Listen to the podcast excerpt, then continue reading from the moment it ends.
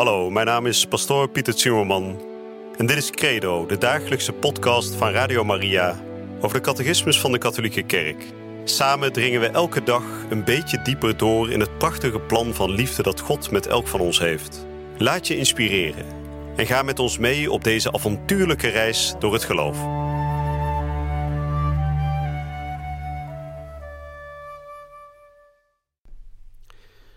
Vrienden, van harte welkom terug bij deze uitzending van Credo.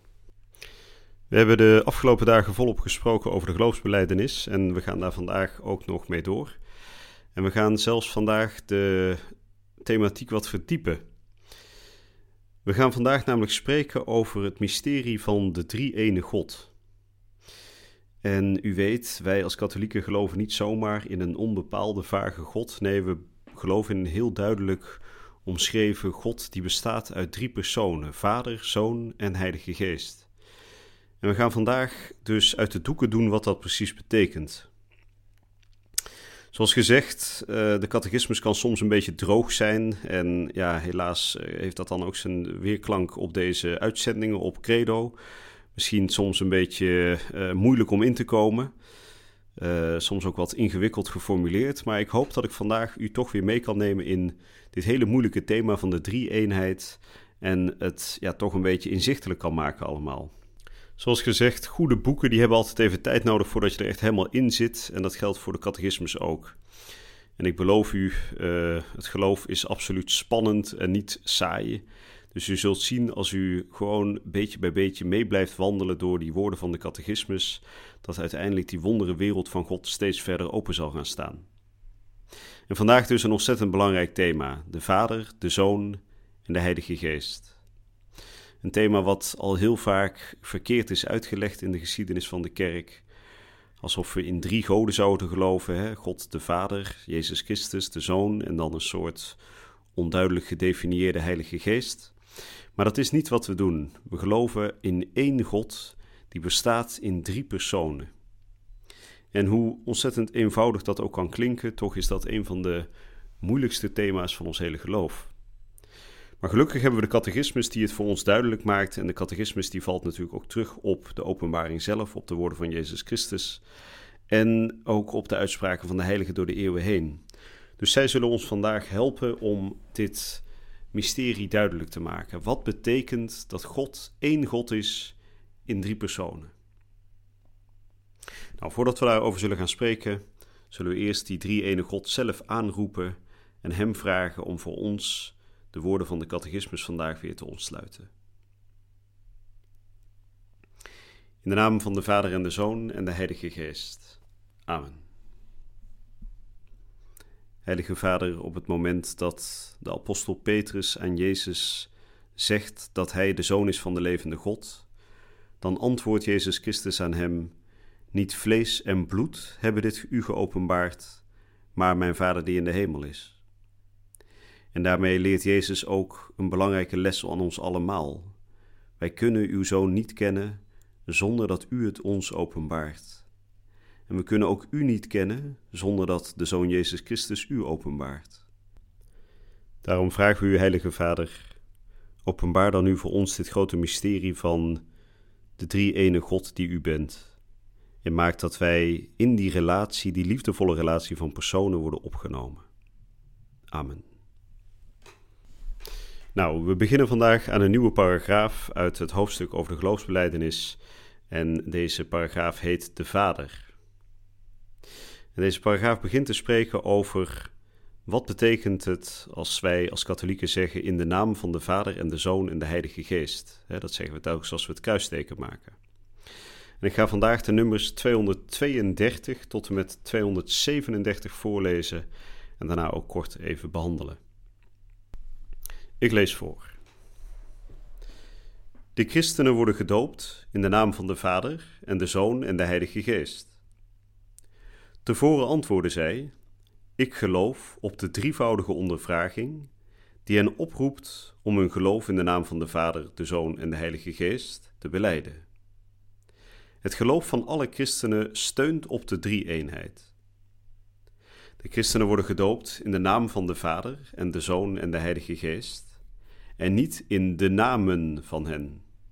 Want er is maar één God, de Almachtige Vader, en zijn enige Zoon en de Heilige Geest, de Allerheiligste Drie-eenheid. Het mysterie van de Allerheiligste Drie-eenheid is het centrale mysterie van het christelijk geloof en het christelijk leven. Het is het mysterie van God in zichzelf. Het is dus de bron van alle andere geloofsmysteries, het licht dat hen verlicht. Het is de meest fundamentele en essentiële leer in de hiërarchie van de geloofswaarheden. De gehele helsgeschiedenis is dezelfde als de geschiedenis van de wegen, waarlangs en van de wijze waarop de ware en enige God, Vader, Zoon en Heilige Geest, zich aan de mensen openbaart en zich met de mensen, die zich door de zonde van hem hadden afgekeerd, verzoent en verenigt. In deze paragraaf zal in het kort uiteengezet worden op welke manier het mysterie van de gelukzalige drie-eenheid geopenbaard is, hoe de kerk de geloofsleer over dit mysterie geformuleerd heeft, en hoe tenslotte God de Vader, door de goddelijke zendingen van de Zoon en de Heilige Geest, zijn liefdevol helsplan van schepping, verlossing en heiliging verwezenlijkt. De kerkvaders maken een onderscheid tussen theologia en oikonomia. Met de eerste term bedoelen ze het mysterie van het innerlijk leven van God als drie-eenheid. Met de tweede alle werken van God, waarin Hij zich openbaart en zijn leven meedeelt. Door de oikonomia wordt ons de theologia geopenbaard. Maar omgekeerd verklaart de theologia de oikonomia. De werken van God openbaren wie Hij in zichzelf is. En omgekeerd verheldert het mysterie zijn innerlijk leven, het verstaan van al zijn werken. Zo gaat het op analoge wijze tussen menselijke personen. De persoon toont zich in zijn handelen, en hoe beter wij een persoon kennen, des te beter begrijpen wij zijn handelen. De drie-eenheid is een geloofsmysterie in strikte zin. Een van de mysteries die in God verborgen zijn en die niet gekend kunnen worden, tenzij door God geopenbaard. God heeft wel sporen van zijn trinitair wezen achtergelaten in zijn scheppingswerk en het hele Oude Testament door in zijn openbaring. Maar het innerlijk leven van zijn wezen als heilige drie-eenheid vormt een mysterie dat ontoegankelijk is voor het verstand alleen en zelfs voor het geloof van Israël voor de menswording van Gods Zoon en de zending van de Heilige Geest. Nou, dat was het laatste stukje van nummer 237. Ja, misschien weer wat technisch omschreven allemaal, maar ik ga het even proberen kort samen te vatten en uit te leggen. We hebben dus gehoord in het eerste nummertje van vandaag dat er wordt gesproken over het doopsel. Op het moment dat wij gedoopt worden, kinderen of volwassenen, dan gebeurt dat in de naam van de Vader en de Zoon en de Heilige Geest. En het hele christelijke geloof steunt op, dit, op deze geloofsovertuiging, dat dus God, Vader, Zoon en Heilige Geest is. En dan staat daar, ja, we dopen ze niet in de namen van, hè, alsof het um, verschillende goden zou, zouden zijn. Nee, het is maar één God die bestaat in drie personen. En dan wordt er vervolgens gezegd dat dit mysterie van de allerheiligste drie-eenheid het belangrijkste en meest centrale mysterie is van ons hele christelijke geloof. Dan wordt er gezegd, het staat helemaal bovenaan in de hiërarchie van geloofswaarheden. We geloven als kerk natuurlijk van alles, maar dit staat helemaal aan de top van alles wat we geloven. Want alles wat we geloven vloeit uiteindelijk voort uit dat geloof in die drie ene God. En dan worden de kerkvaders nog genoemd, die eerste uh, heilige vaders van onze kerk, die het onderscheid maken tussen theologia en oikonomia. Nou, twee termen die u niet per se hoeft te onthouden, maar toch goed om er even bij stil te staan. Wat wordt daar bedoeld? De theologia van de drie-ene God, hè, dus ons woord theologie zit er uiteraard in, dat zegt iets over het wezen van de Godheid, de God die bestaat in drie personen. dus dat is als het ware, om het even een beetje kort door de bocht samen te vatten, zou je kunnen zeggen dat is de theorie achter God. En dan wordt er gesproken over de oikonomia, ons woord economie zit daarin. En dat is als het ware hoe die drie ene God zich aan ons toont. dus de theologia die spreekt eerder over wie is die drie ene God nou eigenlijk? Wat betekent dat dat hij Vader, Zoon en Heilige Geest is? En de oikonomia is hoe toont hij zich aan ons? bijvoorbeeld doordat zijn zoon Jezus Christus mens wordt en dat hij op aarde rondloopt en spreekt over zijn Vader in de hemel. Dat is wat we kunnen zien, zoals de, de drie-eenheid zich aan ons toont. dus dat is eerder de oikonomia, zou je kunnen zeggen. Maar de theologia, die denkt ook na over wie die drie-ene God is voordat Jezus naar de aarde komt. want de drie-ene God bestaat natuurlijk al voor alle tijden. Vader, Zoon en Heilige Geest is ouder dan de schepping.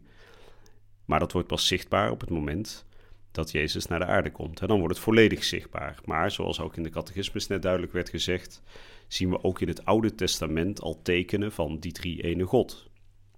En we zullen daar straks ook nog eh, in de volgende uitzendingen voorbeelden van zien. Nou, dus kort samengevat, de theologia, hè, datgene wat we over het wezen van God kunnen zeggen, wie is hij nou eigenlijk ten diepste? En de oikonomia wil zeggen, hoe toont hij dat aan ons? Hoe laat hij zien wie hij is? dus meer zoals ook eh, als voorbeeld wordt gegeven. Hè, op het moment dat wij eh, een persoon beter leren kennen, gewoon een vriend in ons eigen leven of een familielid, dan leren we beter begrijpen wie hij is. En dan leren we ook steeds beter begrijpen wat hij doet. Hè, waarom hij bepaalde voorkeuren heeft of bepaalde, uh, bepaalde handelingen verricht. Hè, en andersom kunnen we ook zien, hè, bijvoorbeeld we kunnen een goede moeder leren kennen op het moment dat hij liefdevol is voor de kinderen.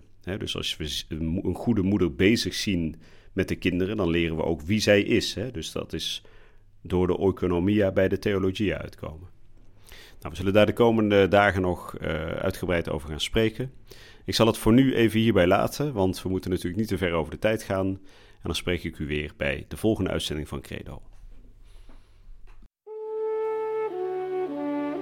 Je luisterde naar Credo, de dagelijkse podcast van Radio Maria over de catechismus van de Katholieke Kerk.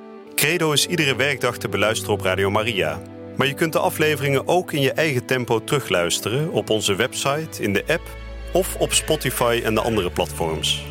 Via de website radiomaria.nl vind je dagelijks de link om de bijbehorende teksten uit de catechismus mee of terug te lezen.